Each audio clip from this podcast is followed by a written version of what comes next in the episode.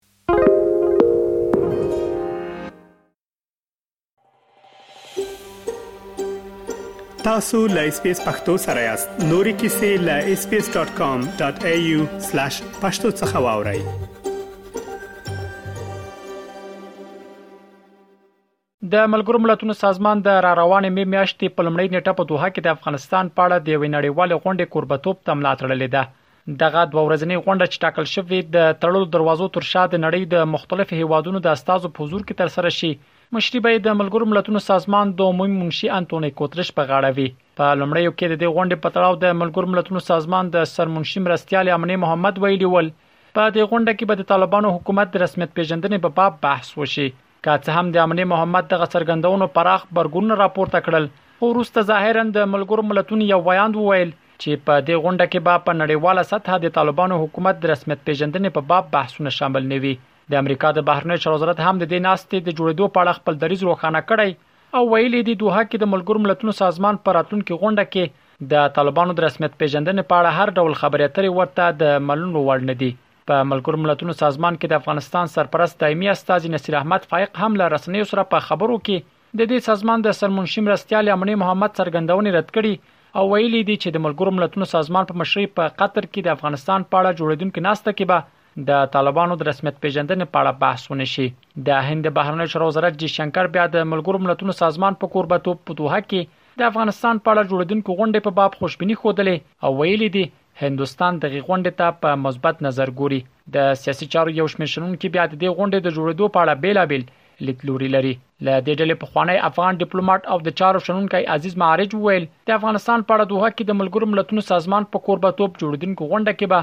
د طالبانو حکومت د رسمیت پېژندنې په پار یو لړ شرایط وړاندې شي چې په هغه کې به د دوه هوکړې بشپړ عملي کېدل د بشري حقوقو رعایتول او د موقت حکومت جوړیدل شامل وي نو موري د دې ناستې جوړیدل د طالبانو لپاره یو ښه فرصت بولی ترڅو له دې فرصت څخه په استفادې نړۍ سره تعامل ته چمتو شي. پر دې شاته د نړۍ ستر هېوادونه د غربي هېوادونو لکه امریکا او په ټوله کې ناتو دا برنامه مخ ته بیایي خو د ملګرو ملتو د عنوان لاندې چې هغه یو با اعتبار حقوقي سازمان ده په نړی کچه نو بنان دا پروګرام غواړی چه دوی یی په یو شرط وړاندی کړی چه طالبان ته ستاسو په رسمیت پیژنم په مقابل کی د دوحی بشپړ تړون پلی کول د دوی نه غواړی په اداره کی تغیرات تر غواړی د موقت اداری جوړول او همداسی بیا د نجونو ښونځی او د ښځو اشتغال دا مسایل ټول به دوی به غاړه ورته ږدی په هغه وخت کی به دوی بیا به دوی په رسمیت پیژنی. اصلا موضوع د پردې شاته همدا مسله که چېرې طالبان دې ته غاړه کېنږدي بیا نو خانخا د امنیت شورا د ملګرو ملتو د پنځم فصل او څلوېښتمې مادې پر بنیاد من لکه دوه زره یو کال کې چې کوم اقدام وکړ داسې یو اقدام به کړي ځکه نړۍ نن سبا دغه جغرافیه په دې ډول نه غواړي نو بناً په دې ټوله کې دا یو فرصت افغانستان ملت افغانستان خصوصاً طالبان ته چې اوس واک لري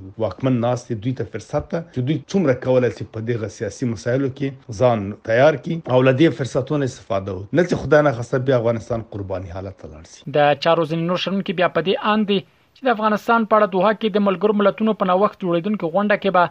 له طالبانو سره پر تعامل، له افغانستان سره په بشري مرستو، پر طالبانو د فشارونو د زیاتېدو او یا هم کمېدو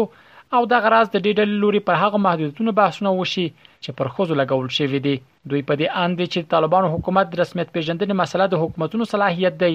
او د ملګرو ملتونو سازمان په دې برخه کې کومه پریکړه نشي کولای زه فکر کوم چې په څو مهمو موضوعاتو به بحث کیږي مرستو باندې به بحث کیږي طالبانو سره د تعامل په اړه به بحث کیږي طالبانو سره طالبانو باندې د فشارونو زیاتېدلو کمیدلو باندې به بحث کیږي په ټوله کې یو عمومي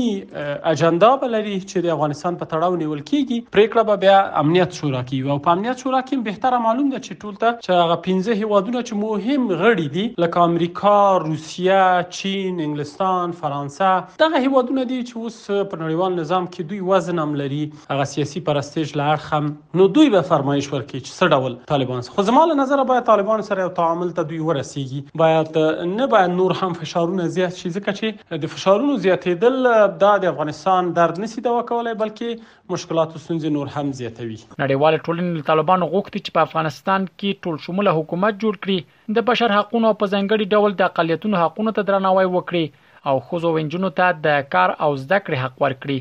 د چارو شنونکی نجیب الله جامع بیا همدې موضوع ته په اشاره سره د افغانستان په اړه د ملګرو ملتونو له لوري جوړیدونکې غونډه سمبولیکه بولی او په خبره یې په دې غونډه کې به د پخوا په څیر ټول هغه شرایط یو ځل بیا تکرار شي چې طالبانو له دې وړاندې له نړیوالو سره کړی دي نو موري د افغانستان د اوسنی کړکېچ یوازنی حل لار له طالبانو سره د نړیوالو تعامل په کوته کړ ځکه په وینا یې د افغانستان ثبات د سیمې په ګټه دی. زه په دې باور یم چې دغه ناسته به نمادینه ناسته وي، یو شمېر اصول او شرایط به تکرار کړي،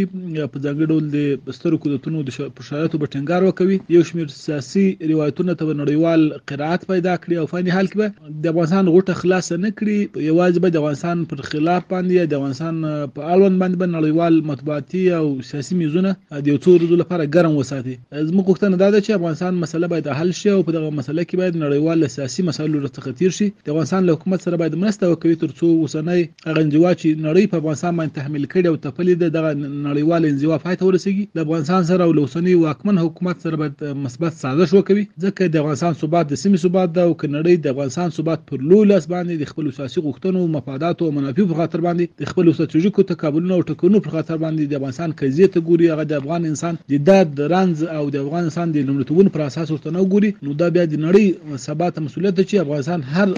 بد برخلیک سره مخ کېږي، نو امریکا، متحدین، اروپايي ټولنه، ملګري ملتونه او دغه نړیوال سازمانونه چې د نړۍ د رهبریت او د نړۍ د نوي نړیوال نظم دعواداران او دایداران دي دوی به مسول وي طالبانو لا نه ده روښانه کړې چې په دې غونډه کې د ګډون بلنه ورکړل شوې او که نه او تر خوا یې د ملګرو ملتونو سازمان هم په دې اړه څه نه دي ویلي چې ایا طالبانو ته په دې ناسته کې د ګډون بلنه ورکوي او که نه. هڅه مو وکړه ترڅو د دې غونډې د جوړېدو او په دې غونډه کې د طالبانو حکومت د رسمیت پیژندنې د احتمالي بحث په پار د طالبانو د حکومت ویاندویانو نظر لزان سره ولرو خو بریالي نشو واک ته د طالبانو تر رسیدو وروسته د ډلې په ځلونو له نړیوال ټولنې او د ملګرو ملتونو له سازمان غوښتي چې د دوی اوسنۍ رژیم پر رسمیت وپیژني خو دا غوښتنه یې تر اوسه هیڅ یو هیواد او د ملګرو ملتونو سازمان نه ده منلې د طالبانو اوسنی حکومت که څه هم په سیمه کې یو شمېر هیوادونو ته خپل ډیپلوماټان استولي خو حکومت یې لا هیڅ یو هیواد په رسمیت نه دی پیژندلی رحیم الدین وریاخیل اس بي اس رادیو افغانستان که غواړئ دغه سنوري کیسې هم او رینو د خپل پودکاسټ ګوګل پودکاسټ یا هم د خپل خاكي پر پودکاسټ یو اورئ